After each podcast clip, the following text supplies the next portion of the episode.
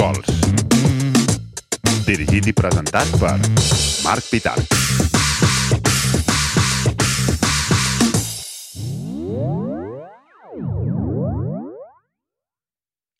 Bones, Pau. Què tal? Bon Com dia. estàs? Molt bé, Benvingut a Naps i Cols. gràcies. Això és Naps i Cols, un podcast de converses des del menjador, eh, amb una dinàmica molt senzilla. Primer farem una miqueta un repàs biogràfic i professional del convidat i després doncs, li hem demanat que ens proposi una cançó i una notícia i a partir d'aquí doncs, que vagi cap on hagi d'anar. I avui, amb tots vosaltres, Pau Guillemet, aka Guillemino. Com estàs? Molt bé, bon dia. Moltes Bona nit. gràcies per, per venir. Aquí estem. Fa molt feliç que estiguis aquí. Molt bé, Hòstia, jo també, Pau. tio. Fèiem una colla d'anys ara que no ens veiem, eh? Sí, perquè estàvem poc al dia de, de les nostres vides. Sí, ara aquí a la prèvia, abans de- abans d'arrencar, hem estat xerrant i, ostres, sí, ara feia dies que no xerràvem. Totalment. Això que n'havíem fet algunes. Havíem fet algunes. Sí. Unes Sí. cosetes, sí. Sí, pues molt res, arrenquem. Jo, mira, sempre comencem pues, pues parlant de, de, de la infància. Vinga, Anem des del principi. va. Què has Pau trobat Guillemet, de la meva infantesa? nascut al 1986. No, 1976. gràcies. Perdona. No, no, jo encantat d'haver nascut al 86, em fliparia molt. No sé llegir, tinc aquí apuntat. Nascut a Barcelona? Nascut a Barcelona. Com és això? Bueno, perquè veig... Jo he viscut a Barcelona de, de tota la meva vida, de fet, fins, bueno, fins fa... Jo em pensava 10 que eres empordanès. Mon pare és empordanès, mon pare és de Figuera. Ah. I tinc com una tirada, o sigui, tinc una espècie d'ascendència cap allà que, que sempre l'he... Bueno, fins al punt de vegades que una vegada vam fer un bolo per, per Salvem l'Empordà, no? amb en Lluís Llach i, i en sí? San José i en Masoni, i va ser el meu moment d'acceptació de, en plan, hòstia, m'han m'han acceptat com a empordanès. Uau. Perquè jo, em van colar com, bueno, aquest tio... Perquè deien, d'on és aquest? És de la Bisbal, per Bank Robert, saps? Jo, no, no, no sóc de la Bisbal. Si sóc d'algun lloc, sóc de Figueres, sóc de Barna, però amb mon pare és, eh, i sempre ho he reivindicat molt, vull dir, molt, molt content de, de tenir aquesta branca empordanesa. Se, se'm coneix una mica, a vegades no sap ben bé on situar-me i, i, i tenen tota la raó perquè he jugat a la confusió, Confusió. totalment. Eh, però has viscut a Figueres? No, no he viscut a Figueres. Vale. Soc nascut a Barcelona, he viscut sempre a Barcelona, llevat d'algunes vegades que he viscut a, a l'Empordà però per feina o coses així, però no, no he fet vida. De què barri eres? De què barrio? De l'Eixample Esquerra. Eixample Esquerra. Mhm. Molt bé. I com era el Pau Guillemet quan tenia sis anyets? Uf, uh, hòstia, quins records, tio. Doncs no sé què dir-te, tio. Mm, Com qualsevol nen, no? Com qualsevol bastant nen. inventor, era bastant inventor, m'agradava força inventar-me Això coses. ho segueixes sent, eh? Sí, inventar-me coses. Uh, no sé, ara penso, per exemple, al meu fill que té 9 anys i molts cops el veig. Dic, hòstia, no? I jo li explico jo quan tenia la teva edat, doncs no sé què, no? Me'n recordo, me'n recordo poder de, de, clar, me'n recordo coses molt biogràfiques molt concretes, no? que ara de cop treure això, pam, no? Però jo què sé, el moment, el moment en què t'interesses pels ordinadors, per exemple, o el moment que t'interesses pel... Me'n recordo que per una cosa que em va, em va començar a agradar molt en un moment donat va ser com tota la cultura nord-americana i va ser a partir del, de la NBA, no? del Wow. bàsquet. En plan, no sé, jugava a bàsquet, llavors em fascinava tot el rotllo aquest de la l'estètica no? de, de la NBA, dels jugadors, dels logos, dels logos dels equips. Llavors me'n recordo records aquests típics de, que tu també hauràs fet de menjar, berenar a casa els cereals, no? mirant el partit de la, dels play-offs de no sé què, no? en plan ella flipat. No? Clar. El futbol americà també una mica, no? Bé, que no, després no, però el bàsquet sí que el vaig jugar, el béisbol una mica, vull dir, va començar a flipar tota aquesta cultura no? tan, tan llunyana a les pel·lícules, típic. típic. Claro. Bona influència aquí americana a través de les pel·lis no arribava Sí. tot i era com aquell, Sí, aquell ideal. Sí. O sigui que una infància molt, molt senzilla, dius, no? No recordes res especial. Com, què tal No. al col·le? T'agradaven al col·le? Eres Sí, el marginat era, de classe? No, era, era bon estudiant, era bon estudiant fins a, fins a l'EGB, jo vaig fer EGB encara. Claro, EGB. també. Tu també, no? Jo què sé, no sé amb A, a mi em va pillar el canvi, gent- saps? Jo va vaig fer vuitè d'EGB i després tercer d'ESO directe. Hòstia. Sí. Jo vaig fer tota la cosa al BUP i tal, i llavors no, bé, bé, vull dir, a la primària, diguéssim, tot molt correcte. A secundària em vaig desmadrar una mica més, però era més aviat del... Era una mica dels misfits, era una mica del, era una escola una mica pija, i llavors... Um, Quin col·le anaves? No anaves al Maragall, no, no? anava a la Institució Cultural del CIC, una escola així una mica, diguéssim...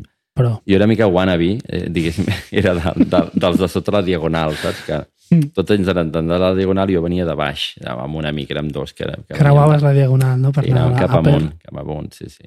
Una mica arribista, no? Una mica ascensor social. La tria... No, bueno, va anar bé, va estar bé, estic sí. content de la meva escola, però sí que, clar, era un ambient molt, molt Rolling Stones, Levi Strauss, Stan Smith, uh, tal, no? I nosaltres érem els quatre replegats que anàvem amb el cabell brut i, i, amb, i amb, amb skate, polls, i amb no? skates, i, Ah, sí, clar, home. i tocàvem hardcore, tot aquest rotllo, una mica amb els, els marginats de, de classe alta. Eh? També, també s'ha de dir, tampoc no pensis que eren res, no, gens de carrer. Eh? Però bueno, bé, content, ho vaig passar bé. Molt bé. Adolescència també aquí a Eixample Esquerra. Adolescència, sí, sí, sí. Adolescència d'Eixample Esquerra, amb tot això, el Bupicou, i, i molt ficat també, de cultura americana també, el hardcore, per tot el tema de fer skate, doncs tot molt ficat amb l'skate i la música hardcore, no sé què, i després ja vaig anar cap a la música negra, hip-hop, uh, funk, tot això, i d'aquí doncs ja vaig anar a estudiar Belles Arts, Això volia preguntar. i Vas fer Belles Arts aquí a fer Belles Barcelona? Arts a Barcelona. Volia fer audiovisual, però no tenia nota, el típic. No, necessitaves uns 7 i mig, uns 7 i, 7 i 8 o no sé què. Sí, era alta. Sobre 10, eh? Ara em sembla que és sobre Ah, 15. sí, han canviat. han canviat. Però vaig treure ja uns 6 i mig o així, vull dir, encara una mica replegat. Després el, el tema de rendiment escolar va, va anar cap avall. Però bueno, vaig fer Belles Arts, que és una carrera fabulosa. I ara en sóc professor, també. De fet, me'n recordo, vaig em vas passar un curro, la feina, no? sí. Segueixes allà... Sí, sí, segueixo allà. Que fort, no me'n recordava, sí, Mm. sí. És una feina una mica juràssica, vull dir que Sí. sí. d'anar passant els anys. Tampoc és una feina principal meva, és una feina de professor associat, que és allò unes hores a la setmana durant un, un quatrimestre, no sé què. Però és interessant. I no et trobes per allà, Martí Ruiz? I tant. Bueno, no, perdó, me l'he trobat, però no el veig mai, però sé que està allà. Allà... Que no coincidim, però alguns cops hem coincidit. Sí, Claro. sí, sí. Coses. Molt bé. Mm. I, i, i com... O sigui, el 2003 treus el teu primer disc un dia, amb Bank Rover. correcte. Com vas a parar a Bank Rover? Vaig a parar a Bank Rover a partir d'una feina que jo estava fent amb una productora i que hi havia un dels Bank Rover que treballaven a la mateixa productora i aleshores no sé, me'n vaig enterar a través d'un company de feina. Hi ha un, n'hi ha un aquí, però que està en una, altra, en una altra oficina, no està aquí físicament, que té una discogràfica. Hòstia, vaig dir, pam. I llavors li vaig enviar un correu, una maqueta, el que fos, i a partir d'allà, doncs, no sé, van, van escoltar, em van fer com una prova, em van fer com fes un remix d'aquest, Ok. i vaig fer el remix i els va agradar i a partir d'allà vam començar a fer. I llavors, bueno, el que va passar és que jo no tenia projecte de directe, o sigui, jo volia fer música per fer música, em venia de gust. Fer música. M'imaginava com, saps, el típic músic d'electrònica d'aquests de Ninja Tune, així que fa música i no es preocupa directe. No, era aliè complet, no, no sabia, no pensava en el tema del directe, tot i que havia tocat de, de jove, de jove, no? I llavors em va dir, no, però si has de fer... Ara, clar, si treus un disc has de fer concerts. I dic, Claro. hòstia, quina mandra, hem de fer concerts, en sèrio? No, has de fer concerts. Jo, bueno, hem de mirar de fer concerts. I vaig començar a preparar per fer concerts. I això és la primera presa de contacte amb una discogràfica i de, de que et diuen et traurem un disc. Llavors, bueno, va anar, va anar força bé perquè era un tio una mica diferent a el que feien ells i, i que un tio curiós que no, que no es veia molt. Llavors això sempre ven, no? En aquell moment, doncs, una, una, una figura com la meva no, no era molt habitual. Això obria portes. Tu te'n recordes com ens vam conèixer, tu i jo? Jo recordo que... Jo, la primera acord que tinc teu, Marc Pitarc, és en un centre cívic de, de no sé on, de la Taixonera és. o no sé on. Nou barris, em sembla, o no? No, jo crec que era Taixonera, eh? Taixonera, potser Tota sí. la ronda, amb un, no sé si era un concurs, Concurs o, o una, una mostra sonora, o una cosa. Sí, no? Oi que era allà? Sí, sí, sí. I qui fotíem allà? Ara vam anar a veure-ho, no? Jo participava. Ah, tu participaves. Jo havia, jo havia entregat allà una... un- Una, Bueno, sí. una demo, no? sí, Una banda sonora. una banda sonora. Molt, cu- molt justeta. I ja... No me'n recordo de res. Jo només me recordo que et vaig conèixer allà Sí. i no sé, devia venir de públic a veure-ho, no? Jo estava convençut que tu estàs participant també, però ara veig que no. No, eh? No, no em sona. Ok. Bueno, no ho sé, ara no, diria que no, però poder sí, eh? No sé, perquè jo em pensava que tu estaves també participant i estàvem els dos enviat allà. i, i estàvem allà mirant-ho, no? Sí, i una de les, de les noies que portava a Centre Cívic, Mm. sé que es deia Marta, eh, ens va presentar Ah, ens va presentar sí. una persona. Ah, Va dir, ah, mira, és que el Pau l'has de conèixer, hòstia, hòstia. també és músic i fa coses molt xules i, Hòstia. i, i recordo estaves allà sentat i tal, vam estar xerrant un rato. Joder, molt bé. Pues això no recordava aquesta dada, tio, de la Marta. Sí, sí, sí. I jo crec que és que hauria de ser abans d'un dia. O, o per Jo aquelles, que- jo crec per que era aquelles des- dates. Jo diria que era després perquè, o per aquelles dates, perquè jo vivia per allà a prop i, va- i vaig anar-hi a viure el 2004. Ok, Per tant, devia ser Sí. per aquelles dates. I, I hanguejava per allà, diguéssim, perquè estava a prop, si no hagués anat a la Teixorera. Saps? Si devia ser 2004, 2005, 2000, Ok. por ahí. 2005 no de ser abans No, del 2004, 2005. doncs, 2004. 2003. o- Ok. El 2005 treus eh, Somnis de Llop Sí, segon disc. i el 2006 el recopilatori aquest que va sortir a nivell internacional, no?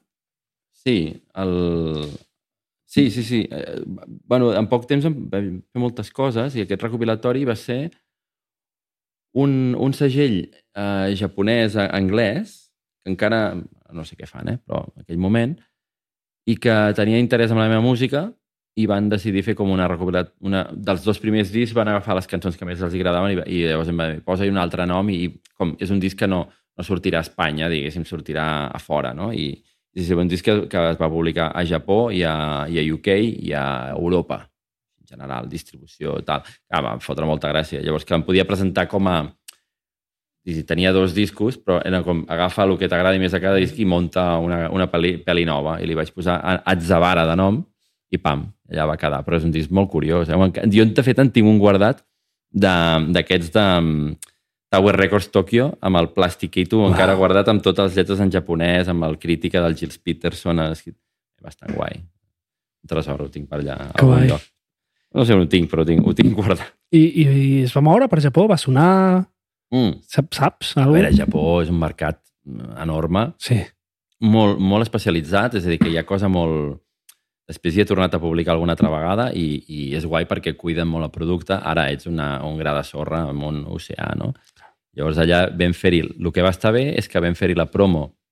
Vam anar a fer el sonar de Tòquio. Sí, Oh, va ser... En aquell moment, la, la, la, aquesta discogràfica eren socis d'Advance Music, del Sonar, allà per fer la, la, la franquícia del Sonar allà. Llavors, clar, era com, hòstia, un artista català i nosaltres muntem el Sonar com ha de venir, no? Claro. I va ser molt divertit perquè, perquè vam tancar el tracte, diguéssim, directament amb els japonesos. I els del Sonar d'aquí no, no se n'havien enterat de res, no? És bastant curiós. I després ja va tots molt amics i vull dir, tots cap allà, va, fantàstic. I va ser un bolo, un bolo allà, el, un dels primers sonars que, va, que devien fer allà a Tòquio. El 11, diria, 2011-2012, no? Van plegar de fer-ho, no, ja? No tinc ni idea. No sé. Sé que van Ara començar no a sé què. treure Van sonars, agafant sonors de tot arreu, Sí. però aquell era dels primers que es feien a fora i el de Tòquio va estar molt divertit. Jo crec que era l'11 o el 12. Què vols Per- dir, l'any? Sí. No, parlo del 2006 jo, eh? 2006 no, era- no van fer el primer sonar allà, a Tòquio, sí? 2006? És el que vaig anar jo. Hòstia, jo em pensava que el primer sonar a Tòquio era el 2011-2012. No, el 2006 Ah, ja n'havien fet algun altre. Jo crec que el 2005 ja l'havien fet, Ah, poder. sí, eh? Jo diria Ok, que no era el doncs- primer. Doncs vaig molt despistat. Era el 5 d'octubre de 2006. Soc una mica friqui Uau. de les dates. Ara igual et sorprèn això. Una mica. Puc donar alguna cosa divertida de dates. 5 d'octubre de 2006 vam fer el bolo aquest. Ok. Pues jo no sé per què em pens... Bueno, sí que ho sé, perquè jo vaig tocar el sonar també arrel d'un 2012. cable que tu em vas tirar el 12 Mm, sí. i, i recordo picar a la porta i dir, eh, jo que, crec que aquest producte a Tòquio... Tòquio pot molar. clar, tot el, era tot de videojocs i música me'n basada en videojocs Sí, sí, molt guai. i els de sonar em van dir vete a tu casa. Vete a tu no va colar. No entenc perquè, Tot el perquè món realment... a Tòquio a tocar, eh? Claro, però hòstia, Wow. jo penso que és un producte que allà hauria, hauria funcionat, Sí, saps? I portar un català que fa música amb, amb, basada en compositors japonesos, en fi, no va, no va No funcionar. va anar. coses, coses de la vida. Molt bé. Somnis de llop, 2005. Sí, Xulo. què onda? Jo Sí. t'ho deia abans, he escoltat tot, tots els teus discos aquests mm. dies. M'he posat així un darrere l'altre i Somnis de llop és un dels que, dels que li he agafat carinyo. Sí, és un disc fet en un moment vital molt, molt, amb molta lucidesa, tot i que no, no sé si surt això o no al disc, però com molta tranquil·litat, molta seguretat de mi mateix, amb moltes coses apreses també de la vida, i llavors on puc volcar coses que m'han passat, idees, eh, experiències i tal, I, i és un disc també que, que a la primera ja passava, però en el segon m'atreveixo més a cantar i ho faig per Mm. primer cop en català, cosa que no havia fet en el primer disc. I és com marca una mica el, el, el moment aquest generacional que, que vam coincidir uns quants músics que no, que ningú, saps, hi havia aquesta nova onada del català, onada premanel, diguéssim, la onada Sí. de Guilla, ai, Masoni, Sant. José. Perdona. No, home, n'hi ha més el, el Sant José, el, el Masoni, de Bank Robert, però després hi havia més gent, hi havia els, els aquests, hòstia, no sortien els noms, eh? però bueno, el, el Erm, per exemple, Erm, que era un, un tio, el David Pérez, hi havia els Glissando, aquests, el Glissando, els Antònia Font, eh, Sí. Refri, vull dir, tots aquests grups que començaven a cantar en català, que és la primera aquesta onada del primer pop art, no? Mm.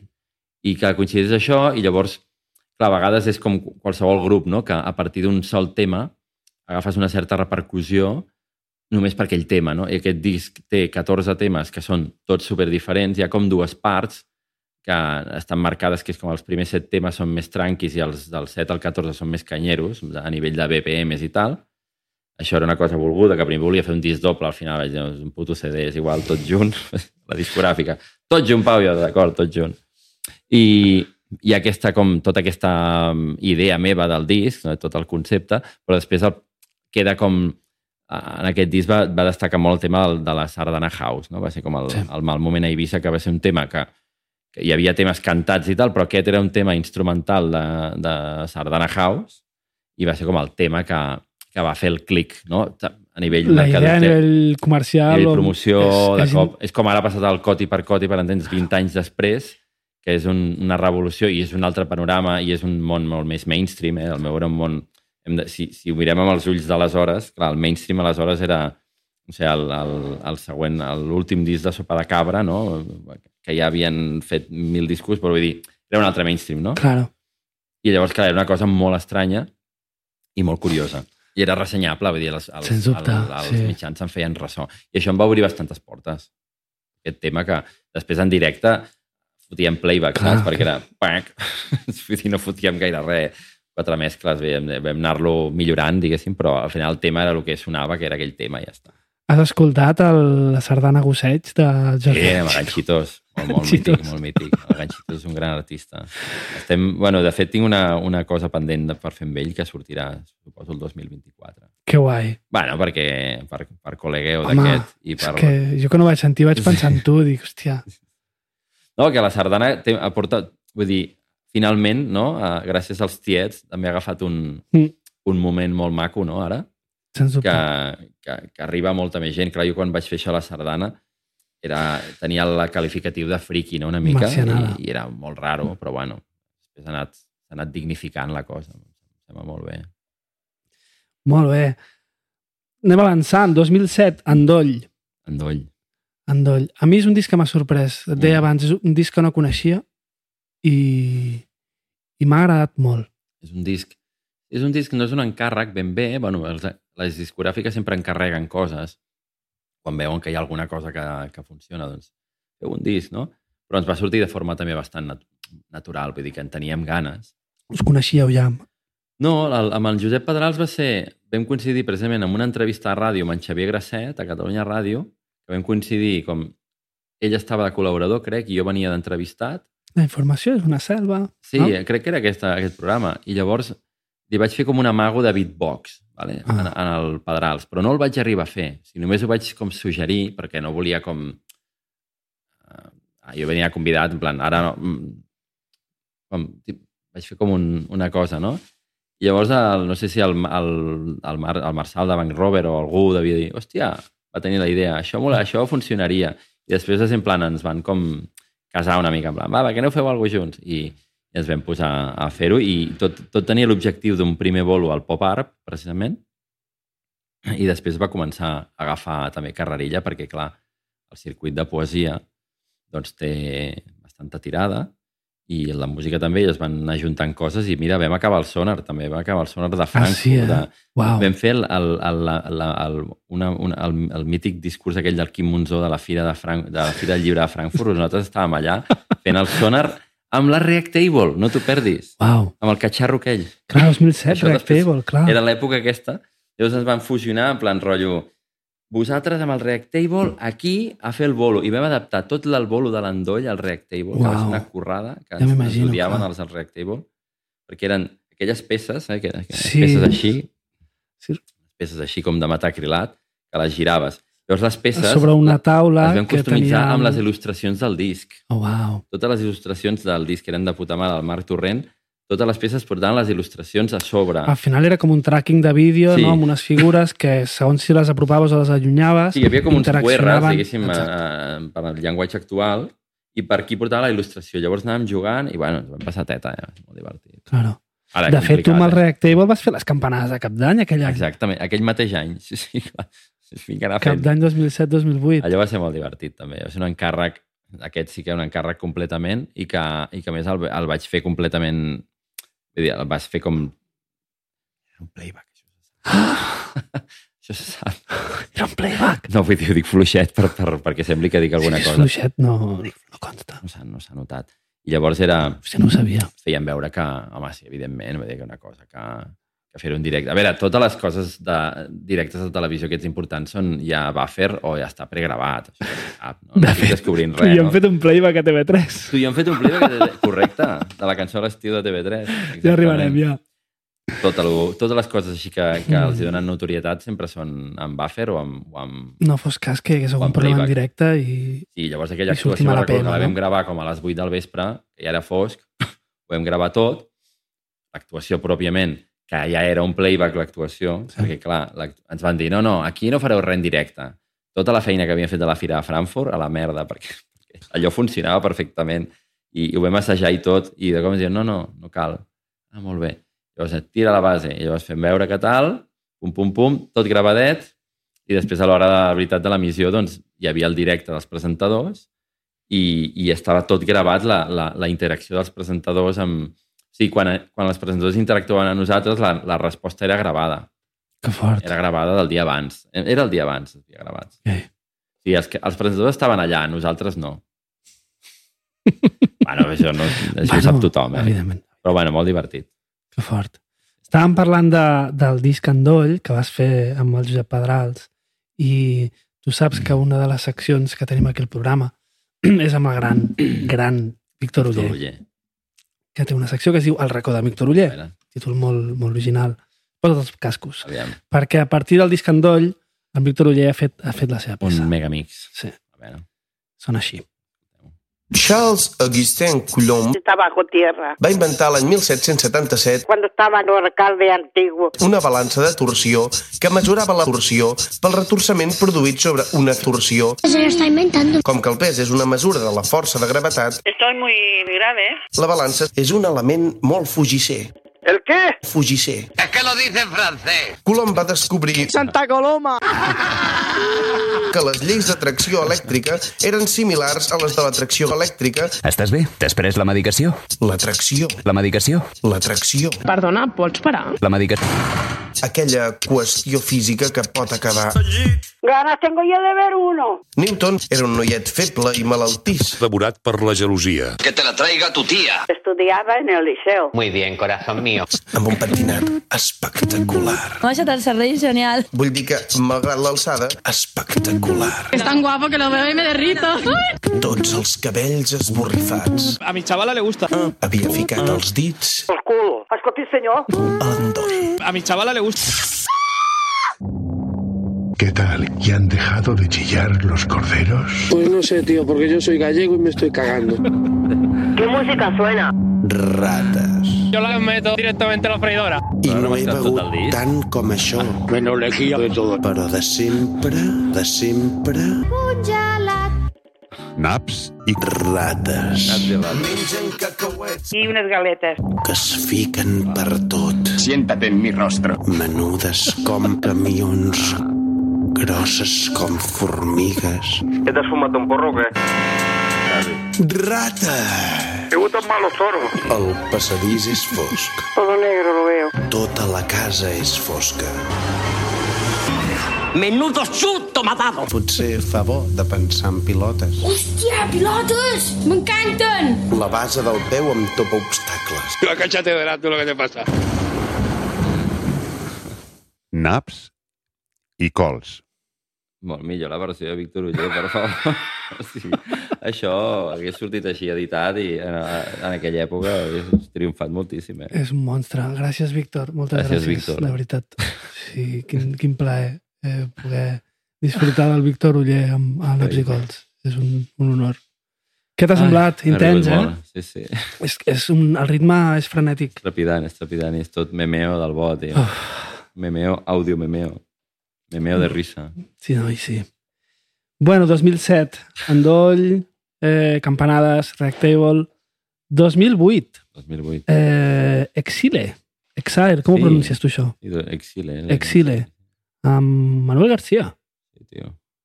De fet, vam començar el 2007, això. També, Ok. és que el 2007 va ser un any de molta feina. Intens.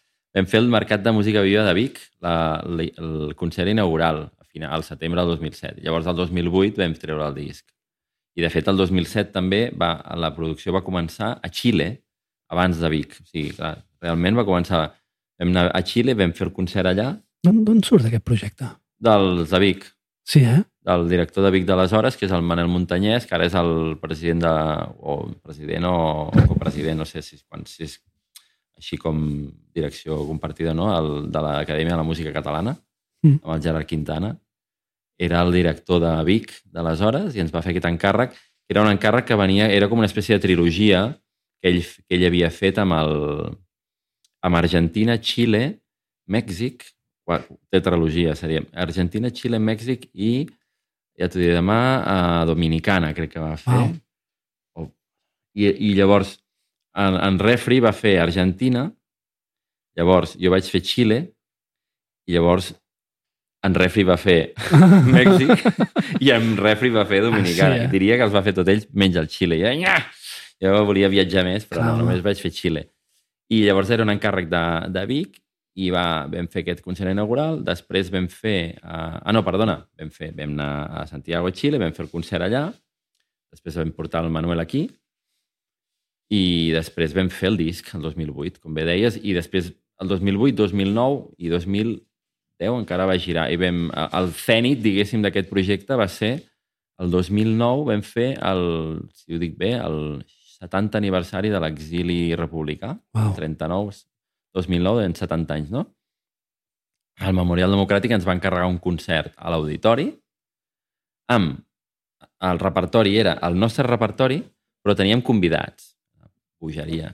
Convidats tipus Maria del Mar Bonet, Uf. Sílvia Pérez Cruz, de, de l'època que encara no havia patat com ara, diguéssim, com, com després. I què més? Hi havia més gent, eh? Uh, bueno, tot, de, tot de gent... Que el, el, no, com el Rupert Rodríguez, no, l'altre, el basc aquell de la de l'acordió, no surt el nom. Bueno, un basc que toca l'acordió. Un basc que toca l'acordió.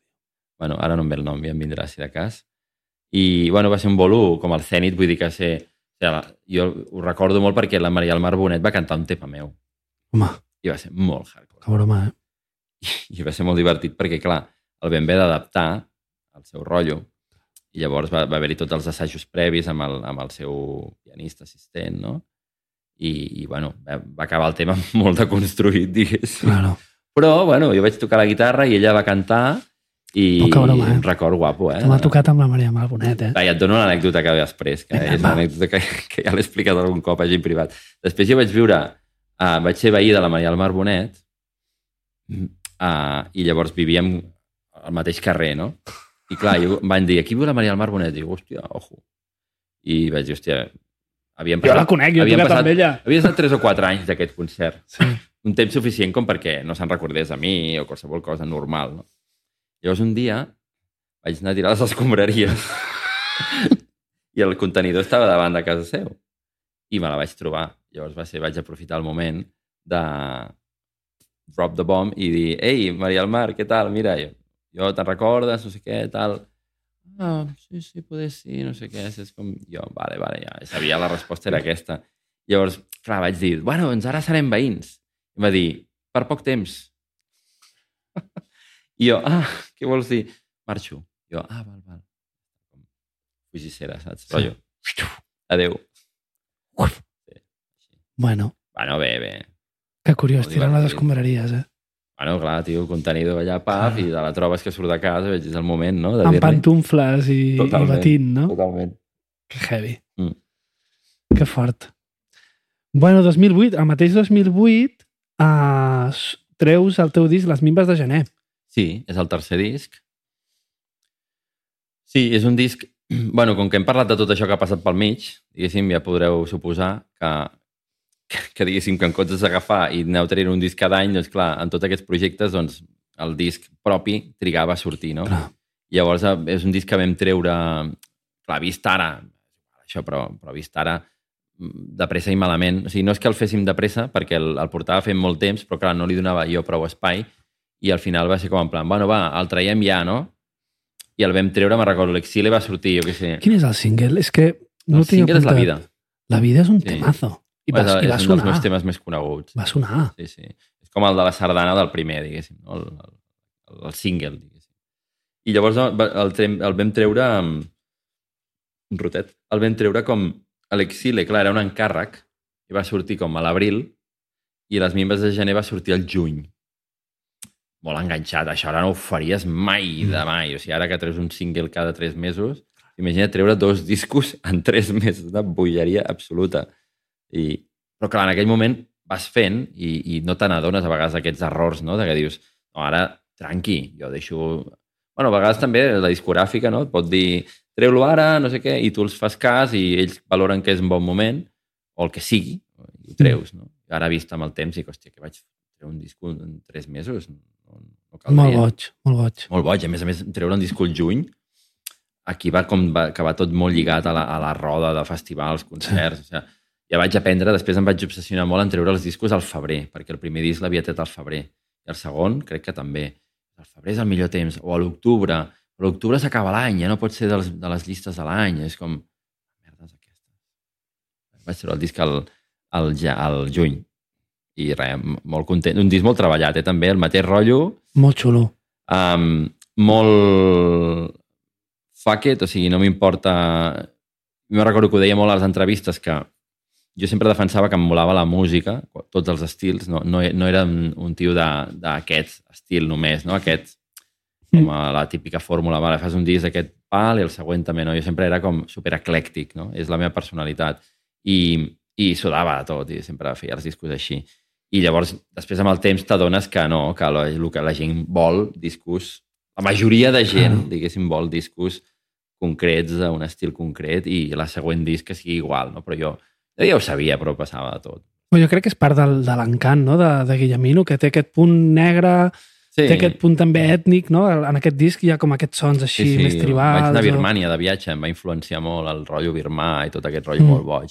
Escoltava molta música aquesta d'això, de, de Síria, de Sí. Birmània, músiques de països així, i ho vaig com voler posar allà. Però de cop hi ha un tema que és el tema aquest més conegut, que és la vida, que és un tema soul, purament. Perquè escoltava la Jamie Liddell també, que molava Ah, molt, Es nota. i clar, no podia jo evitar la- anar-ho posant tot allà, saps? Guillemino és el Jamie Lee del català. Jo aquesta frase l'he dit Una mica, una vegada. una mica, sí. Però, però vull dir això, que és aquest eclecticisme que, que després t'adones que poder ara, eh, 20 anys després, és, és una cosa com més acceptada, no? La gent són més diversa, o almenys, Mm. no sé, penso que la, la gent jove actual escolta molts estils de música diferents i abans érem tots molt més de, no sé si ho, ho compartiràs, bé, com molt més de tribu, no? En plan, Mm.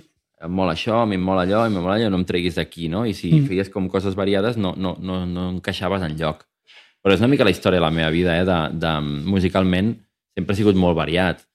I clar, mm, no era capaç d'assimilar-ho i fer una música que fos una mescla de tot, sinó que segurament sí, perquè això no, no pots evitar fer-ho, però necessitava com fer el tema tal, el tema qual, de tal estil, no? No sé, una cosa que musicalment no, eh, limitar-te amb això em sabia molt de greu. Jo m'agradava provar coses, no? Jo crec que afegeix riquesa, no? Sí. Bueno, Però, no bueno, sé. tot depèn del prisma, si ho mires en el prisma de, del mercat o el, el prisma de l'art, no? Ja. una mica en el sentit de que és música, la meva, poc comercial, diguéssim. Llavors, aquí, aquí està el tema, no? Bueno, et mous entre, entre poc comercial i la part més, més soul, funk i Sí. tal. Ostres, jo penso que té, Sí, sí, sí. sí té no, no. audiència, per una banda, Puc- i, puc- i, que, i que sona acabat, no?, amb, amb tots Sí, els sí, vents... sí. Amb, Bueno, perquè sí, després és el disco de soul aquell, sí. Després, no?, el... Uh, Un altre jo. Un altre jo, 2013. Sí. Aquest va ser una aposta per fer un disc a l'antiga, Mm. Banda... sí. I, i clar, va, també, també té el punt experimental en el sentit que, que clar, vaig dir, no, el gravaré a cinta i el gravaré en tres dies. I vaig fer l'experiment, vull dir que vaig posar com, vaig, vaig fer un equip de vuit persones, més el mànager, i vam fer un bolo el dissabte a la tarda al Rosselló, un bolo a la una nit a la Bisbal, el diumenge vam descansar i el diumenge a la nit vam arribar a l'estudi, a- als estudis Ground de Cornellà del Terri. Vam arribar allà, vam dormir i el dilluns al matí vam començar a fer el tracking del, del, del disc. I clar, veníem, portàvem una, una ressaca a sobre de dos bolos. nhi No havíem tocat el repertori mai junts, havíem fet assajos per separat de vents, de banda, però els set junts, el, directe a un bolo. Això ho vaig, ho vaig planejar, eh? Vaig dir, en plan, ho farem així. Per què? Per posar pressió i per posar... Perquè el bolo mm, no era un bolo per, per mi important. O sigui, el, era un Important bolo de, disc. de, de, era rodar un assaig el- en públic, Claro. diguéssim. Dos assajos en públic, però que donaven la pressió necessària perquè llavors treien la pressió allà llavors el dilluns ja havien passat aquest, aquest moment dur i també un moment d'explotar, de, d'explotar, no? de treure-ho. Llavors arribes al dilluns i dius, bueno, ja he tocat aquests temes, aquests temes ja me'ls he fet una mica meus. Llavors pots fer el tracking tranquil·la, més tranquil·lament, no? una mica. I ho vau gravar així a l'antiga amb tota la banda alhora? Bueno, vam separar per habitacions per temes de bateria i tal, Sí. però estaven tocant tots alhora, però amb tres sales diferents. Ok. Hi havia la, la bateria en un lloc sola, el baixista, crec, bate, baixista bateria, llavors hi havia una habitació al mig, que era la, la, la vo- vocal booth, allà al mig, i llavors que estava jo amb la guitarra, i quan, quan hi havia la, la Judit Nederman feia els cors, quan hi havia la Judit, estàvem junts a la, a la, a la, a la cabina, quatre o cinc temes, i després hi havia la, la zona de piano i, i vents Ok. i tocàvem tots, a- tots alhora. I llavors, lo, lo divertit d'això és que gravàvem a cinta, per exemple, llavors a la banda li vam dir els controls zetes, perquè, clar, De que, com, control Z, que no, es podia, no es podia, no? En plan, No es podia editar, no es podia petit joc de paraules.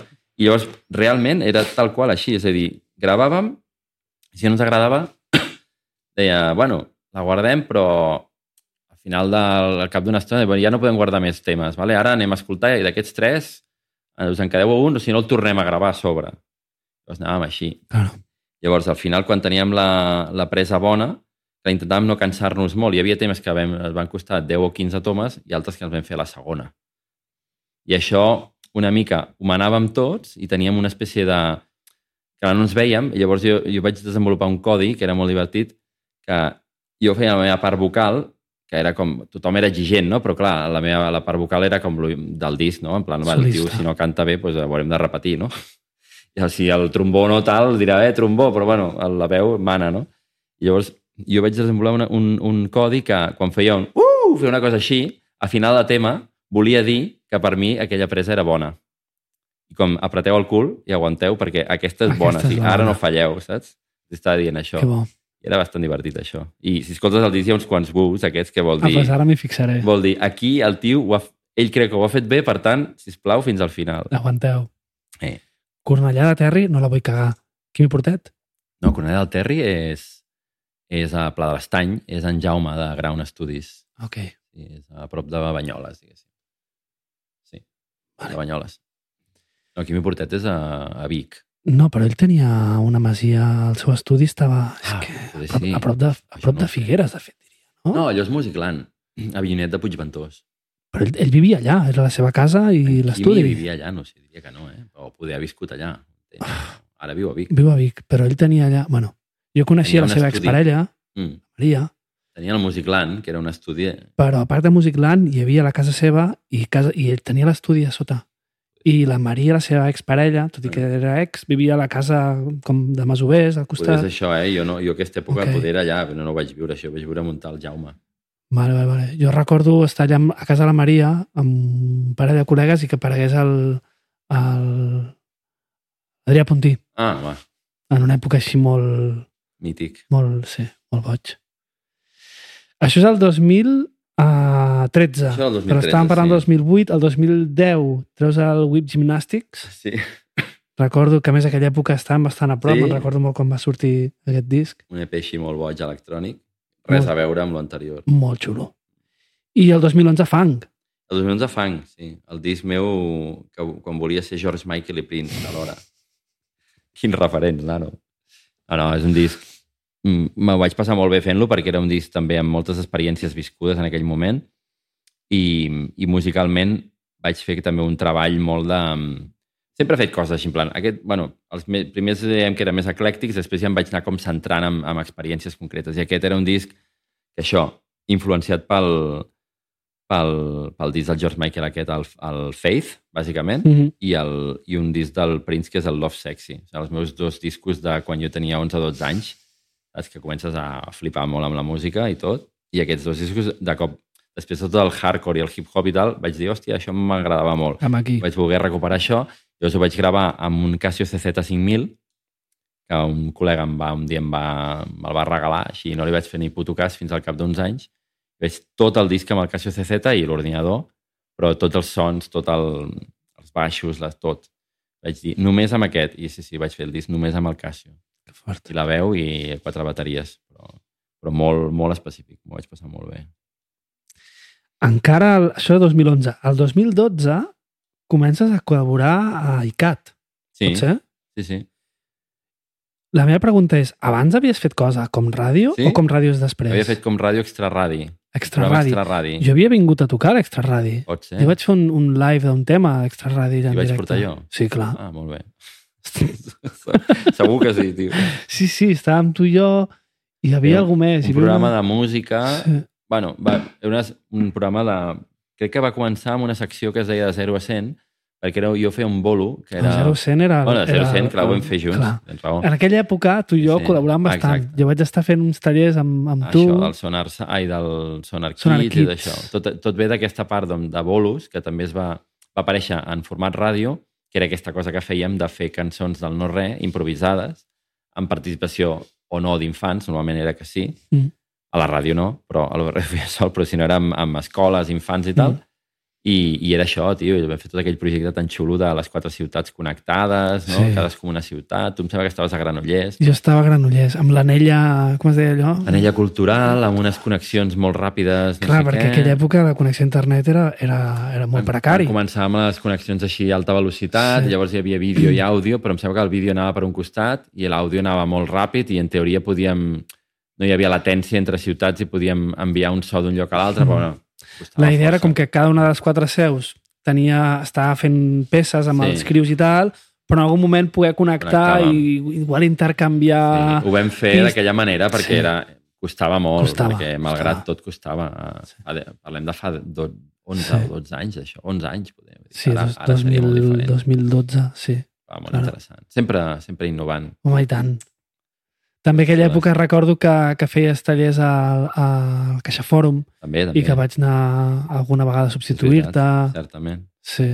Sí, aquella època vam, vam fer bastantes coses. Um, 2013, un altre jo, i Guillemino 12. L'any 12 vam fer eh, aquest any... Eh, Però està publicat el 2013. bueno, perquè sota l'any 12 Ah. hi devia sortir... No, van anar sortint com... Cada mes sortia un release, Vale. un, un llançament, i va ser una manera... Bueno, ara ho, molts cops la gent ho fa, no? Treure un tema cada mes, un tema cada Sí, setmana. s'estila. Em dir, farem un tema cada mes. Llavors vam fer una cosa bastant pionera també, que va ser fer la primera aplicació d'iPhone. Uh, vam fer una aplicació que es deia Guillemino 12, que era una aplicació per iPhone.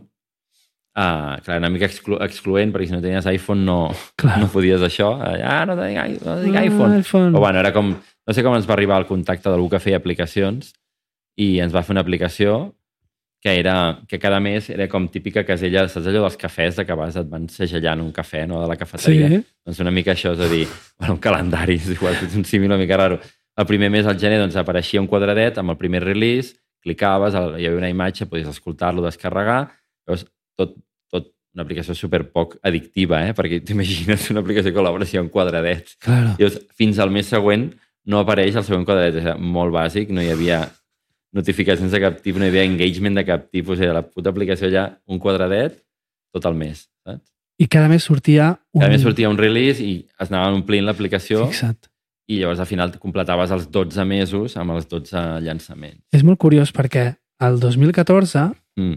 el, el Pau, Julià i jo vam Mhm. fer el, el projecte de Van Darren, Sí, Van el Darren. qual tu després Sí, vas sí, acabar sí. col·laborant el, el 2015. Sí. I justament la idea de Van Darren, jo no coneixia el Guillemino 12, però la idea de Van Darren era cada Això setmana mateix, no? cada setmana treure una cançó nova. Composar una cançó, gravar-la, mesclar-la, gravar un vídeo. Això I és la clau penjar-la de a la YouTube. constància. Sí, vam aguantar dos mesos i mig. Home, és que cada setmana és diferent Era que cada intens, mes, eh? Són molt 52 intens. setmanes a l'any. Sí, molt boig. Diferent. 12 mesos encara tens temps per anar respirant bé, mentrestant. I en aquella època, eh, el 2000, jo diria que va ser ja el 2015, Sí. Tu, tu quan comences als matins amb la Terribas? El 14 o el 15? Jo vaig fer dues temporades. L'any 14, i diria que vaig fer el 14-15 i el 15-16 o el 13-14 i Ok. el 14-15, no me'n recordo.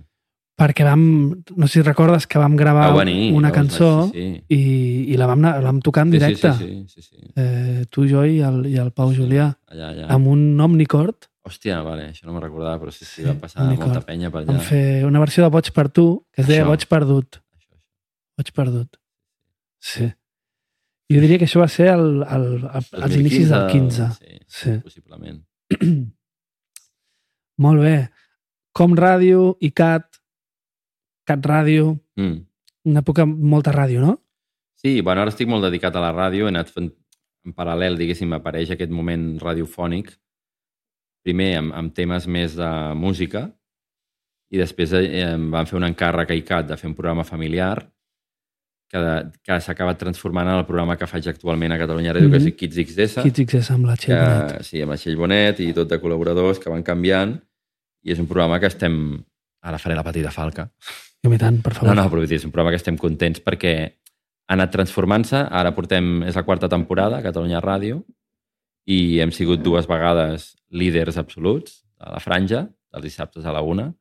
Ara som líders, no sé quan estàs mirant això, però ara som líders. I, i ho hem sigut en anterioritat. Bueno, és l'EGM, ja saps que puja i baixa, Sí, no? Però bueno, i l'EGM també se l'inventen algú, no? evident. Però bé, eh, el Basté és EGM, no? Sí. Està construït a, a base d'EGM, per tant, alguna cosa, algun valor li deuen donar a l'EGM. Sí, sí. I, I això, i molt content amb la ràdio eh, a tope, a tope fent, fent feina de ràdio que és això, amb un micròfon a propet i eh, estàs molt a gust dient les cosetes que vols dir. Que sí. que bo. Mm. Molt bé, i a ICAT? Eh, a ICAT havies fet... Uh, com es deia el programa que feies a ICAT? A ICAT vaig estar als experts i de, de, col·labora, de col·laborador. Després bonus ens, tracks, ens van no? fer un, un encàrrec en el New Raymond i a mi que es deia Bonus Cracks. Bonus crack. Bonus Sí, cracks. bonus cracks. que era entrevistes amb músics, molt Mm. divertit. I bueno, va durar el que va durar, també. eh?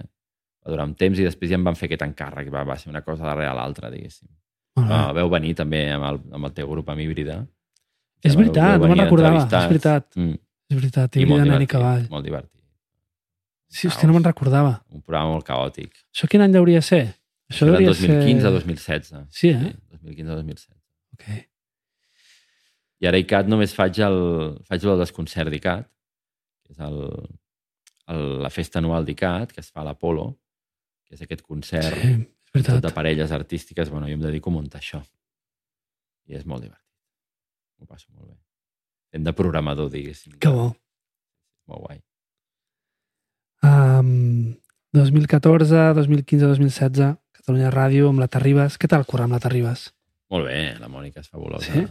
No sé per què té pinta de fotre unes bronques o igual no. Ah, una mica, bronca, una mica bronqui, sí, vull dir, però... Es veu una, una dona amb caràcter, no? A veure, tot, clar, tot, tot és un aprenentatge. Jo, quan vaig començar la ràdio, no en tenia ni idea. I llavors aprens de, dels mestres i aprendre la Terribas, que millor, no? I Vale. també he après d'altra gent, però vull dir, la Terribas, clar, és una...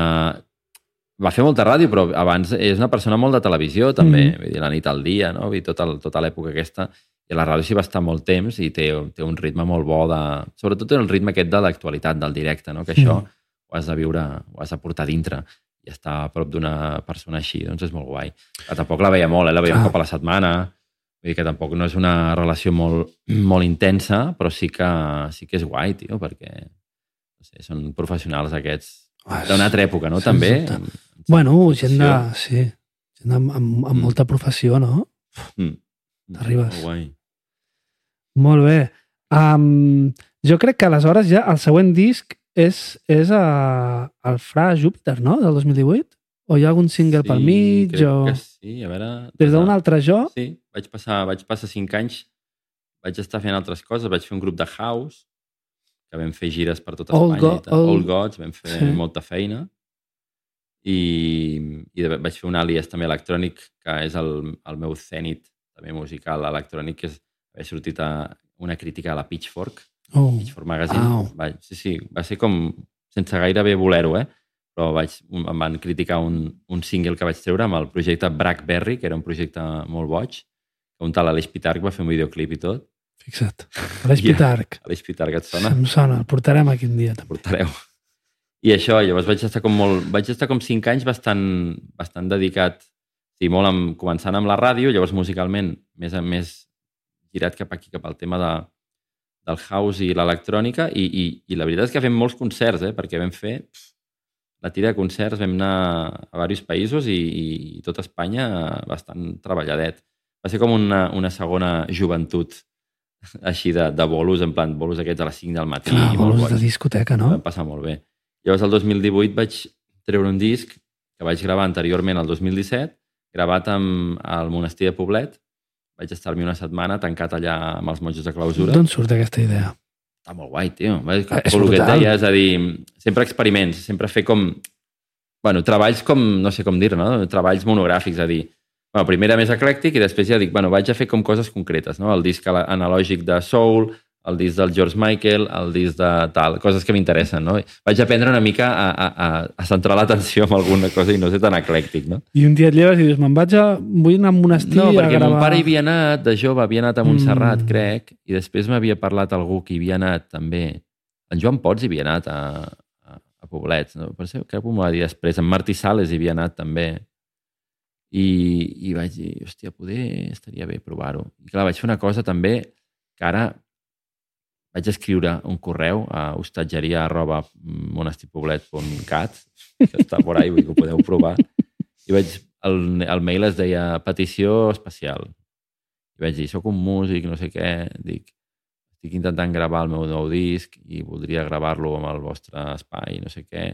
I sé que estic fent una petició una mica especial, però requeriria de tenir un espai on jo... Jo sé que no es pot fer soroll, que seu vot de silenci, tot i així, si podríeu estudiar, de tenir un espai on treballar, no portaria cap amplificador, només la guitarra i la veu. Em van respondre que sí. I vaig flipar. Aquí anava, no? És, és un disc basat en guitarra. Jo tinc la Sí. sensació de escoltant-te que Sí. treballes molt en piano, no? Que igual composes en piano. Bueno, una mica de tot, però que allà vaig fer guitarra. Però pura. aquest disc és molt, és molt guitarrístic, Sí, no? i allà vaig entrar amb dues cançons que portava i vaig sortir amb, amb vuit cançons. O sigui, en cinc dies vaig fer unes cinc o sis cançons, crec. no nhi do. Una matí i una a la tarda, una matí i a la tarda. I la rutina era eh, llevar-se, anar a missa de vuit, tres quarts d'hora de missa sense esmorzar, esmorzar, després anar-me'n a la Torre Reial, que si coneixeu Poblet, doncs les dues, eh, al costat de la, de la part de l'església hi ha dues torres així com Sí.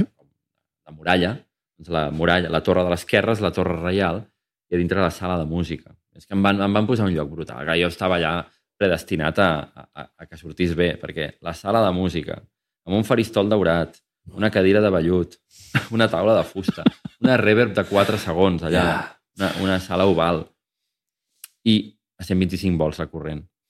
I llavors em- 125? cada dia havia de treure i posar una llargo que l'havia de treure per la muralla, enxufar-la en, un, en un altre lloc, a la zona de tal, per connectar la bateria de l'ordinador. Llavors em passava allà matí i tarda, sense calefacció, sense haver pelat de fred, amb la jaqueta posada, i la, la cosa és que el repte 2 d'això era que vaig decidir gravar totes les veus amb el micro del Mac, amb el micro del MacBook. En sèrio? Sí. I està tot el disc gravat així. Si no hi ha un micro com aquest, ni un previ, és tot amb el micro del MacBook. Hòstia. I llavors, um, això per què ho feia? Perquè vaig fer tot el disc cantat en falset. Tot, absolutament tot. I llavors que el falset, la veu prima, el micro aquest l'agafa bé, en canvi la veu gruixuda no agafa les freqüències. Però el falset l'agafa perfecte, i més l'agafa retallat les freqüències que sonen bé. No hi ha res superflu, és tot la informació que necessites. Llavors, les demos les feia per, per parreria, per, vaga, per vagància, les gravava amb el MacBook així, saps, de qualsevol manera. I saps allò que les demos que t'agraden? Que Sí, dius, hòstia. la demo m'agrada, m'agrada més... I quan la gravo bé no m'agrada, m'agrada la demo. I vaig començar a pensar, i si el tema fos aquest? de que gravar-ho amb el micro aquest, que és el com et mola que surt la veu. I vaig dir, va, faràs això. Llavors ho vaig fer, després vaig acabar, vaig acabar el disc, bueno, després vaig posar bateries i orgues i tal a fora, llavors vaig fer una cosa bastant divertida. Això sí que no t'estic donant gaires exclusives, però que i aquesta tampoc és molt sucosa. Però bueno, eh, pels tequis pot fer gràcia. Que és que quan vaig tenir el disc mesclat, la vaig passar al, a l'enginyer de màster. Vale? Bueno, em, em sembla que encara no estava mesclat del tot, estava com en procés. I li vaig dir, escolta, dic, escolta't això, a veure com ho veus per masteritzar, com ho veuries. A veure com et sona, no? I dic, m'interessa molt que em diguis l'opinió de la veu, sobretot. A veure com et sona, si et sona bé, malament. No li No vas dir que res, està no li vaig dir Que res. cabron. I el A tio- veure què diu, no? Exacte, blind test. I va colar, tio. Sí. El tio, hòstia, i bé, bé, bueno, això, tal... I la veu? No, la veu de puta mare, tio, està superben col·locada, tot finíssim i tal. I dic, ah, val, val, gràcies. I vas Llavors dic, arribar a dir, no? dic, saps com he gravat la veu? No m'ho crec, dic, sí, sí, sí. He gravat amb un monestir, amb el, el MacBook, amb una reverb natural, no sé què, no m'ho crec. Dic, sí, sí. Que fort. I bueno, això és la màgia del disc, és aquesta, és la reverb de la, de la sala de música. Però si portaves micros, perquè la guitarra està gravada amb, amb No, la micròfon. guitarra la vaig gravar amb el micro de l'ordinador, també. També, eh? Per separat, eh? O sigui, Sí, sí. veu i tal, però sí, sí. Ok. Perquè la guitarra també, una guitarra acústica, desendollada, Mm. tot finet, entrava superbé, tio. Després sí que vaig posar la bateria i potser si l'escoltes amb aquesta, amb, sabent aquesta informació ara, potser veuràs la, freqüencialment com... està com el fil, el gruixut està molt separat, no? Bueno, Interessant. curiositats tècniques. Home, xulo. Després, què tenim? 2018, eh, 2021, single suau. I això és igual l'últim que ha sortit, no? Bueno, això és un single de Red Perill, no pas meu, és una col·labo. Una col·labo. Amigo. No sóc jo. O sigui, no, el single no és meu.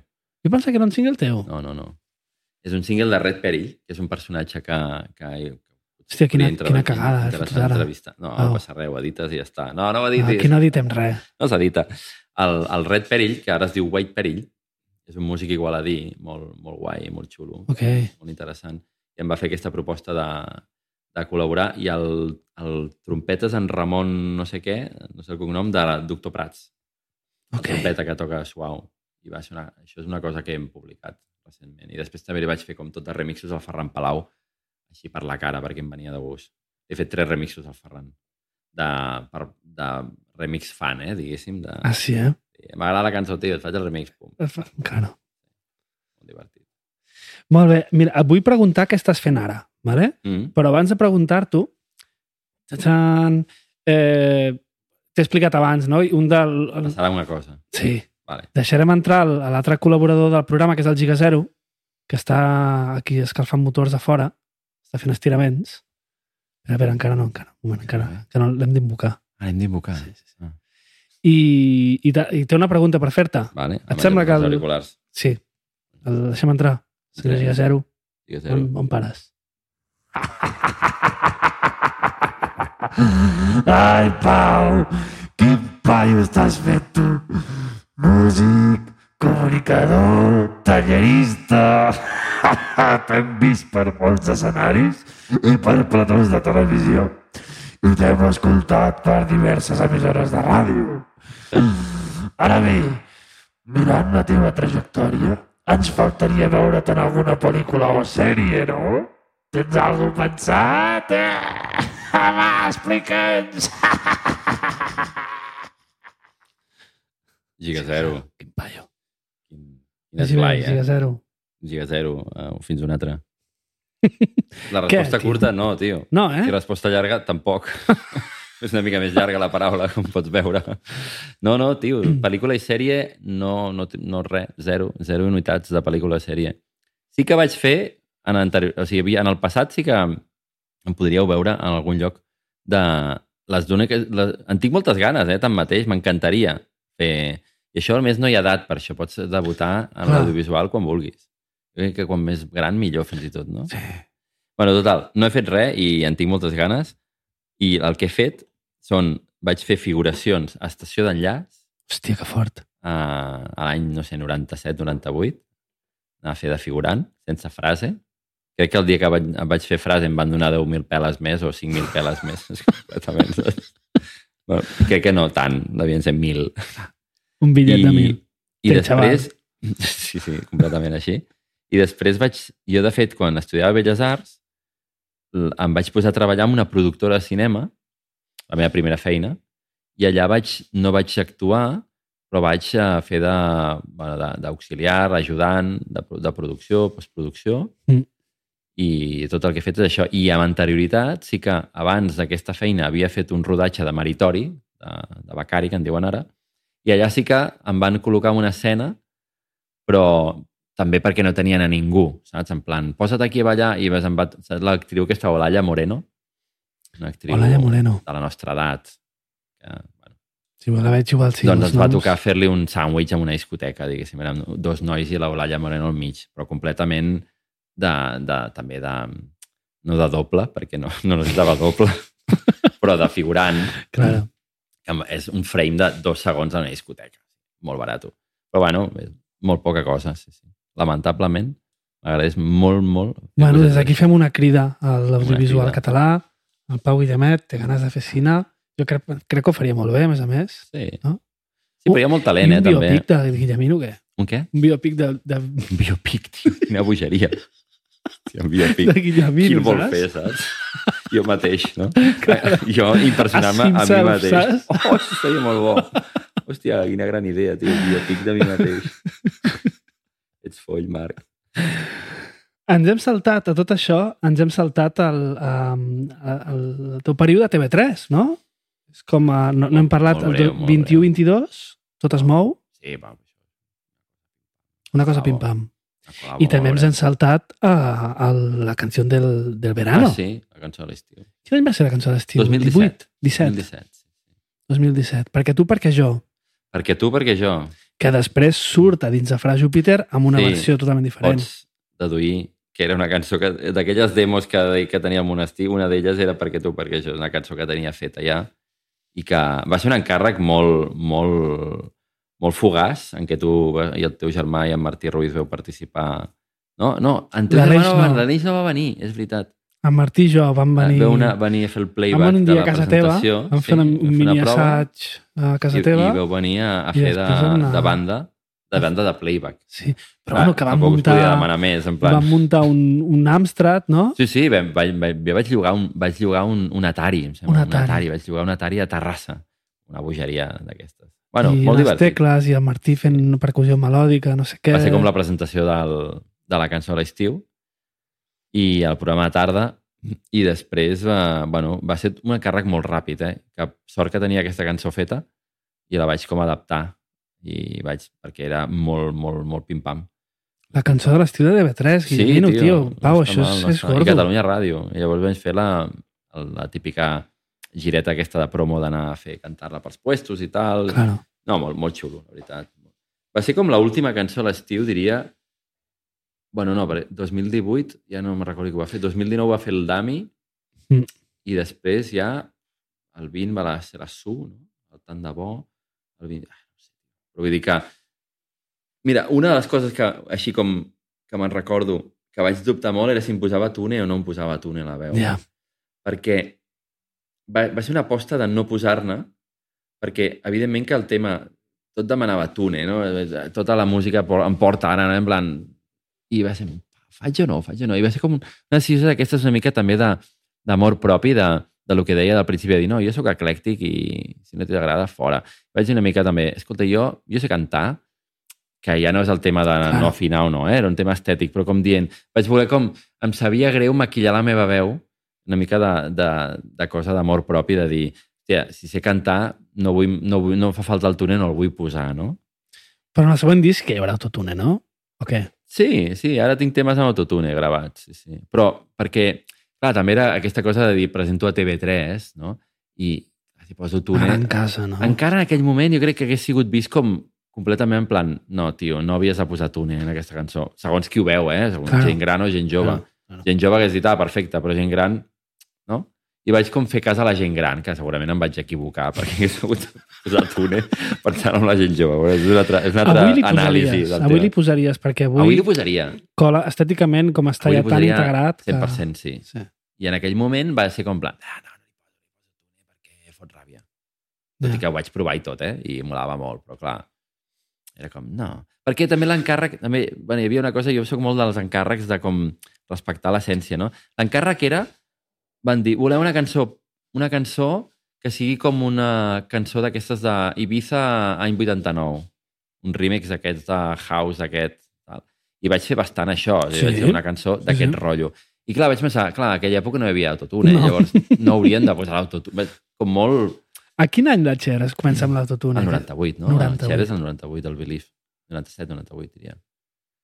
Com la primera cosa, Mm. després ja, pam. Mm. Bueno, vull dir que no sé. Encara una època, 2017, musicalment encara hi ha com un salt, no?, respecte ara.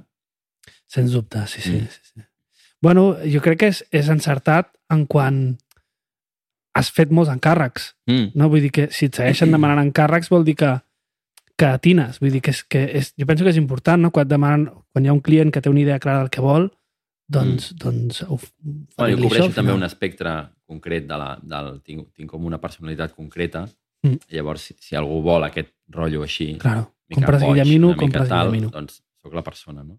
Ara hi ha més gent eh, que fa això, però clar, també depèn del background que tinguis, depèn del... no sé, tot ja... Això depèn molt, no?, de, de l'encàrrec que sigui. Bueno, i del tot es mou no, no, no em vols dir res. No, no destaques... A veure, No, Home, és, és la teva primera participació així en tele... Sí, però és una, una pressió televisiva d'una temporada. Uh, tampoc no ha sigut molt rellevant. Vaig fer una secció de, de criança, paternitat, i després vaig fer una secció de, de música. En què... Però és, és a dir, el, el, el medi és diferent, el llenguatge és diferent, el, no? És com... Sí, no, jo penso que està bé, el que passa és que la, clar, ja, la televisió en general és un món molt mainstream, no? llavors, eh, igual que la ràdio. Sí, jo, diguéssim, que per, per lligar-t'ho d'alguna manera amb, la, amb, amb, amb, que avui parlem de mi, no? seria com...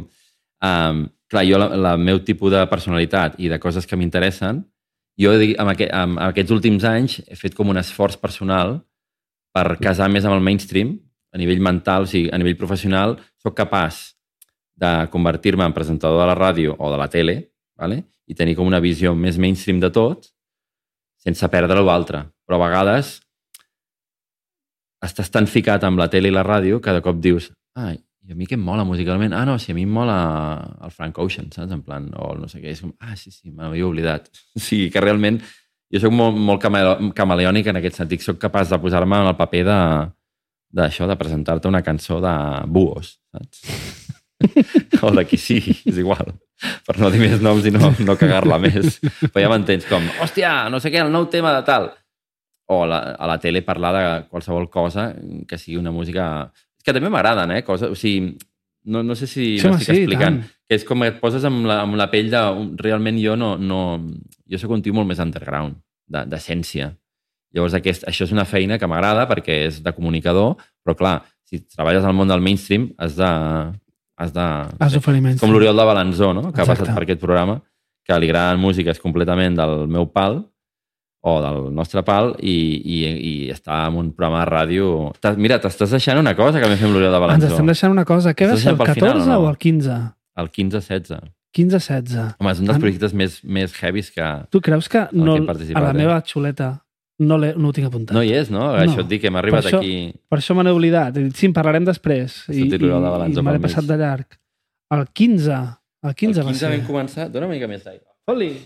Oli l'aigua. començar el... Això és una... No, vam començar... L'Oriol ens vam conèixer així tipus per DM de Twitter, per entendre'ns, i em va dir, eh, no sé què, podríem fer això. Guai, no sé. Vaig, vaig pensar que era una bona idea i que, i que estava com una cabra, però, però que valia la pena provar-ho perquè, perquè deia tots uns noms i, i que em em va anar em va anar a gratar en un lloc que a mi em picava. Eh? El llei català, barrejat amb el hip-hop, em va, fer, em va, ell T'ho va vendre molt bé, va, m'ho va sí, vendre molt bé, home. com a bon guionista que és. Bé. M'ho vaig veure la pel·li i vaig dir, hòstia, aquesta pel·li jo la vull rodar, no? És que la idea és collonuda. Jo li Mm. deia aquí al programa, ostres, em sembla no, caçar, caçar tot aquesta, aquest, aquest moviment no, de, Sí. de la nova cançó i no només això, sinó de tota aquella època. Bueno, més no? Ieier, la nova cançó no tant, Mm. era més Ieier català, que eren els, els que estaven, els apastats 60s, una mica sí. respecte a la nova cançó, els que no, Mm. no estaven posi- posicionats políticament i sempre van quedar com... Però també estaven fent una, una, una feina de país, que era cantar en català, no? en un moment molt conflictiu. I ajuntar això amb, amb, el, amb artistes actuals i presentar-los, posar-los a l'escenari junts... I amb Ostres, Francesc Borrull i Núria Feliu, tio. I Núria de fet, vam Feliu. juntar Núria Feliu i Núria Graham, que no van cantar juntes perquè no... Perquè no... Perquè no. Per què no? Havia, no, perquè la Núria Feliu havia de cantar amb l'Òscar Dalmau, que és Ja. el que havia, era el que Claro, estava pactat i el que era Home, és que, fer. És que l'Òscar Dalmau té una relació molt especial amb, amb, amb la Núria I, Feliu. I la tenia, la tenia, sí. El cert sigui. Sí, sí, sí. Bueno, Bueno, va que al final un- s'ha quedat amb tota la, una part important de la seva discografia, sabies Sí, això? sí, sí. No, no, això no ho sabia. Però bueno, ella ens va... Agradar. L'Òscar ens va fer de mèdium, ens va presentar Ok. al Borrull, a, a la Núria, i vam, vam poder anar obrint aquestes portes a poc a poc, anar-los convencent de que volíem fer això, que s'hi posessin bé, gràcies tot a l'Òscar Dalmau, òbviament. I va ser molt guai. L'aliada va ser tant que vam fer, el, el, vam fer dos concerts. Un a l'auditori, I l'altre, a Canet Canet Rock. Quina bogeria, no? la Canet Rock. màxima. La bogeria màxima. Sí, jo a l'auditori vaig venir, estàvem Ah. de públic l'Anna, l'Anna Anna Casas i jo. Vale. Ah, sí, bueno, que, no, però si vau fer coros vosaltres. L'Anna Casas, No jo i, i una noia... Uh, com es deia aquesta noia de Sabadell? Uh, ah, hòstia, ara Bueno, sí que vau fer coros, oi? Van fer coros. Sí, li vaig explicar a Balanzó. Eh, Jo vaig... Ho gravàvem a casa, a casa Vau de venir, Balanzó sí, sí, sí, clar, clar. i un cop ja estava allò allà a casa d'ell, sona el timbre i diu, ah, sí, Anna, puja. Ah, i, i veu, us I, i de coneixeu i, cop no... apareix l'Anna Casas, que ja ens coneixíem d'altres mogudes. Sí, de casualitat, Hòstia, Anna, eh? tia, què fots Uau. aquí? I vam fer, bueno, vam fer coros un parell de temes, entre sí. d'ells el de, el de l'Òscar Dalmau i la Núria Vale, el de la llama Sí, fiera. jo, no, o sigui, jo puc dir que fet coros a la Molt Núria maco, Feliu. ser molt maco. Ja saps que tinc entre les cames... Oh, La meva filla... Mira, dues rodes, fum i molt perill. la meva filla gran, la Ona, eh, i la Lua, les dues, però Mhm. la Ona se sap algunes cançons d'aquest disc. I és un disc que jo he intentat que no escolti molt, perquè Mhm. hi ha algunes paraules malsonants, Mm. però a ella li agrada molt. Però ja són I- grans, home. Bueno, sí. Va de tot, gairebé. Ara sí, ara, Ara sí, però sí, quan va sortir moment, no. el 16... Sí, home, jo, de fet, vaig fer la versió pels meus fills, també. No, pel fill d'un amic, vaig fer la, la versió de Bang Bang, del, del gordo del puro i Francesc Borull, la, la, la clean version vaig fer. Ah, sí? La eh? vaig editar. Sí, vaig fer pip a totes les putes i tal. Hòstia, passa-me-la. Bueno, no sé on està, però vull dir, la vaig fer per un col·lega Clar. que em va dir que li molava molt i passa'm la, passa'm la clean version. Que la, la, la, meva, la meva filla la cantava. Avui, avui dient-li que, que, que tenia Sí. programa amb tu, eh, la tia se'n recordava de la lletra de, Hòstia, que de la cançó de, de, aquesta del, del Mau. De, maco. I cantava i diu, hòstia, no, Ona, quina memòria que tens. La tia, Va, sí. va ser un projecte molt xulo. Dues rodes, fum i molt perill. Volem fer la segona part Hòstia, algun dia, però bueno, queda com a cabrà. algun dia. Però ens agradaria, ens agradaria fer la segona part. hòstia, me- me n'estava oblidant. O sigui, Mm. quin, quin desastre. Quin desastre. Podem tornar a començar, Dani? Bueno, és igual. És igual, ara ja està. Bueno, era- pues, pues què, què estàs fent ara?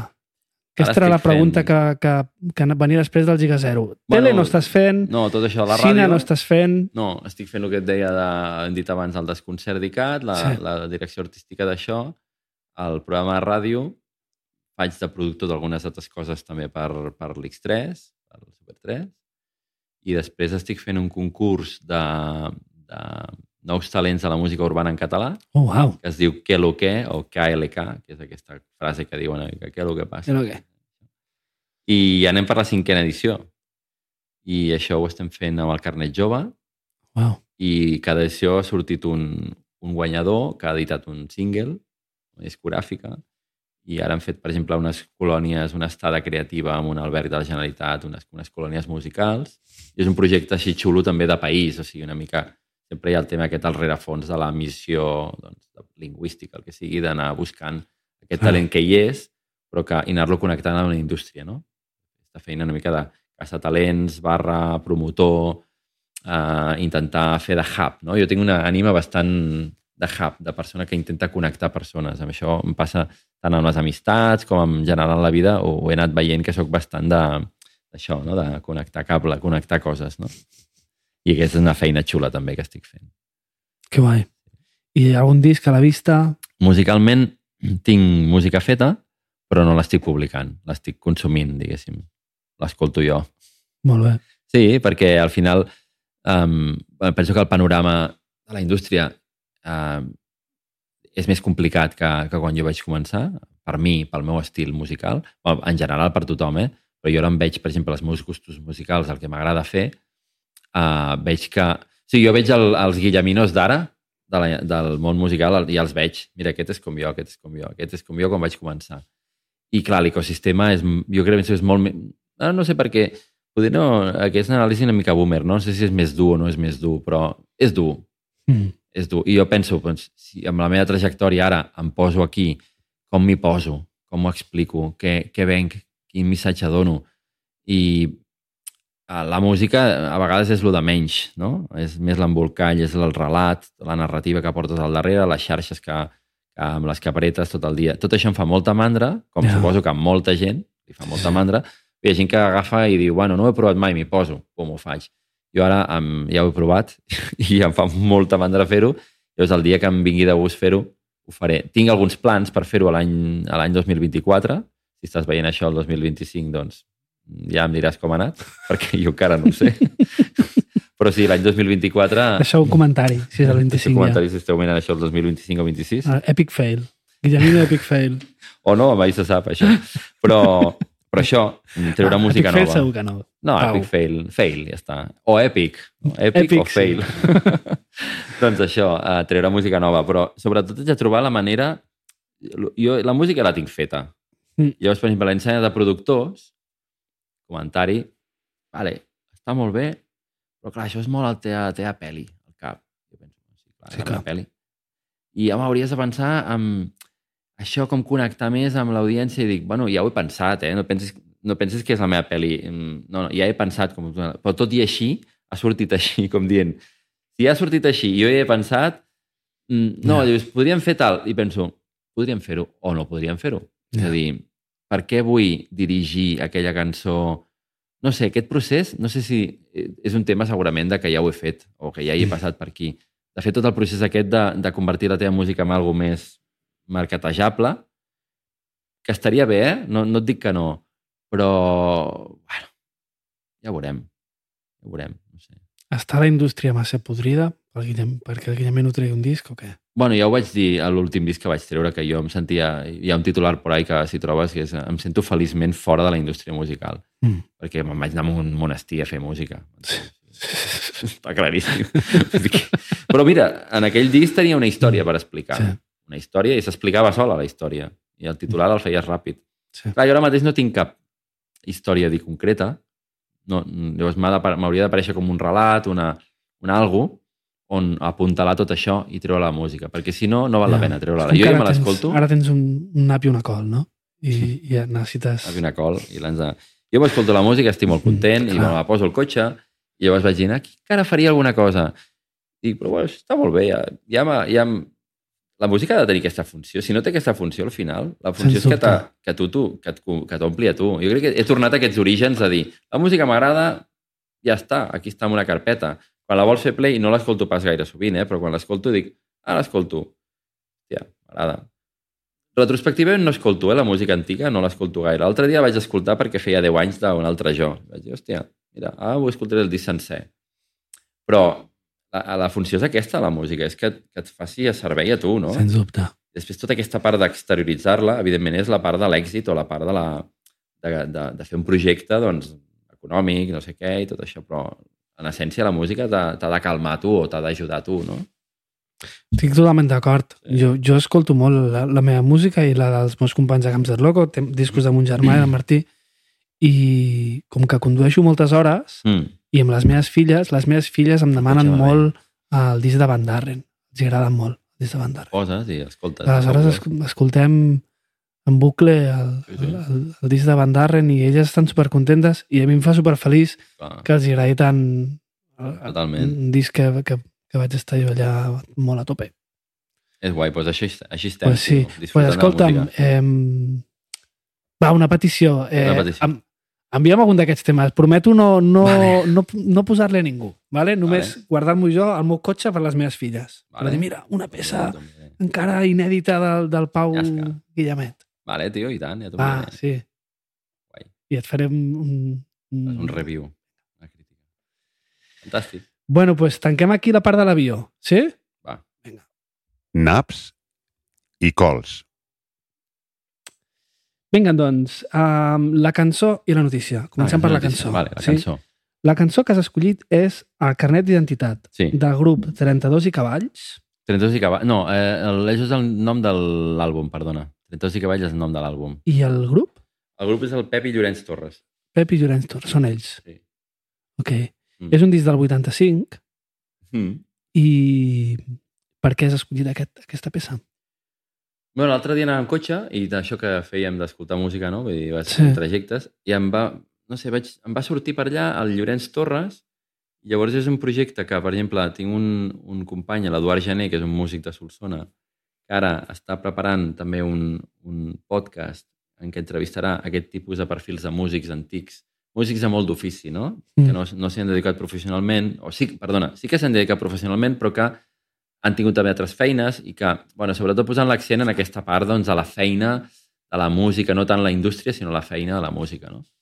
I em va sortir el nom, em va, hòstia, m'he escoltat altre cop aquest, ja l'havia escoltat. I és un disc del Llorenç Torres, que va morir molt jove, i el seu germà, diria que és germà? Sí, germà, Pep Torres. El Pep Torres. De, Sí, i llavors, el, ara la biografia de la família no la sé ben bé perquè ara em fotré un lío, però hi ha un altre fill o nebot d'aquest Pep Torres, que és un altre Llorenç Torres, Oh, acabar-ho d'embolicar, que té la nostra edat, que té un grup que es diu Llorenç Torres quart, amb números romans, que està, si el busques, el trobaràs per ahí.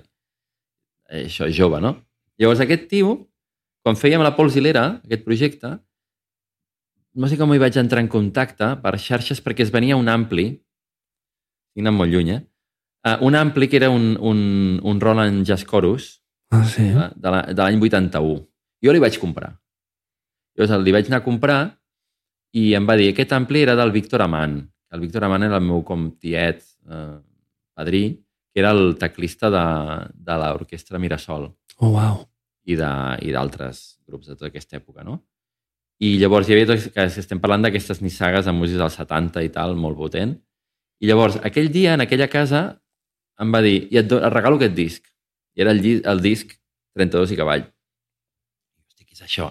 Diu, bueno, com que esteu fent això a la Pols Hilera, igual podries incloure algun tema d'aquests. I jo vaig dir, hòstia, em queda una mica lluny perquè és 85 i estem treballant als 60 llargs, No entra. no entra, no entra. Però, però el vaig descobrir i vaig dir, hòstia, això m'encanta. És un rotllo... És com el disc té dues parts, la part que canta Llorenç i la part que canta en Pep. Llavors la que... La que és la que canta en Llorenç. No, en Pep, en, Pep, en Pep és músic de la plateria, també. És, Sí, ell és eh, trombonista, no? Trombonista i tot això. Però clar, de veu, el seu germà tenia una veu molt xula de crooner. Mm. I, i llavors aquells temes són molt guais. I un d'ells, hi ha un tema que és com molt, uh, molt així, mm, plateria, rotllo, es diu la municipal, que comença molt així, i després hi ha el tema que té carnet d'identitat, que, que és un tema piano, amb unes, Mm. no sé si té modulacions o què té, però és com, té uns, té uns canvis de tempo i és molt... no- L'estem sentint de fons o no? No, no, no. l'estem sentint de fons. És un podcast, tenim un problema amb els copyright, no, no, Ah, no, ok, ok. no sona mai. Vale. Aneu-lo a buscar, està molt bé. Busqueu-lo, sí, sempre I- deixo el link allà I és un tema molt, molt bonic, que parla això del carnet d'identitat. I no me'n recordo com diu exactament, però com, com s'està fent, se n'està fent creus a dir, hòstia, com jo sóc aquest, no? És com un tema que parla molt d'això, de qui sóc jo i de com quedo resumit. Després pot haver un put espanyisme per allà darrere amagat, molt xulo, no? També, de l'any anys 80. No sé, està guai. És un tema bonic. Molt xulo. Molt bé. I després la notícia que has escollit també és una notícia ben curiosa, no? Sí. És una notícia d'un eh? mitjà que es diu Empordà Federal, Mm. una notícia del maig del 87, quan tu tenies ja 11 anyets, Sí, i és una, és una entrevista, no?, a- al teu avi, el meu avi, sí. Bueno, aquesta, aquesta, la història és el senyor següent. Joan Guillemet. Sí, fill il·lustre de la ciutat de Figueres. Uh, és la meva branca empordanesa, uh, de Figueres. I, aleshores, la revista Empordà Federal era una revista que era editada per mon pare i era una represa d'una publicació dels, dels principis del, del segle XX, diria, no m'erro, perquè no soc, el meu pare és especialista en premsa comarcal i per això està ficat en el tema aquest, i ell va fer com una represa de a la capçalera de l'Empordà Federal, la van tornar a editar als anys 80, finals dels 80 que es deia Empordà Federal. I era una revista sobre Figueres i el món de Figueres.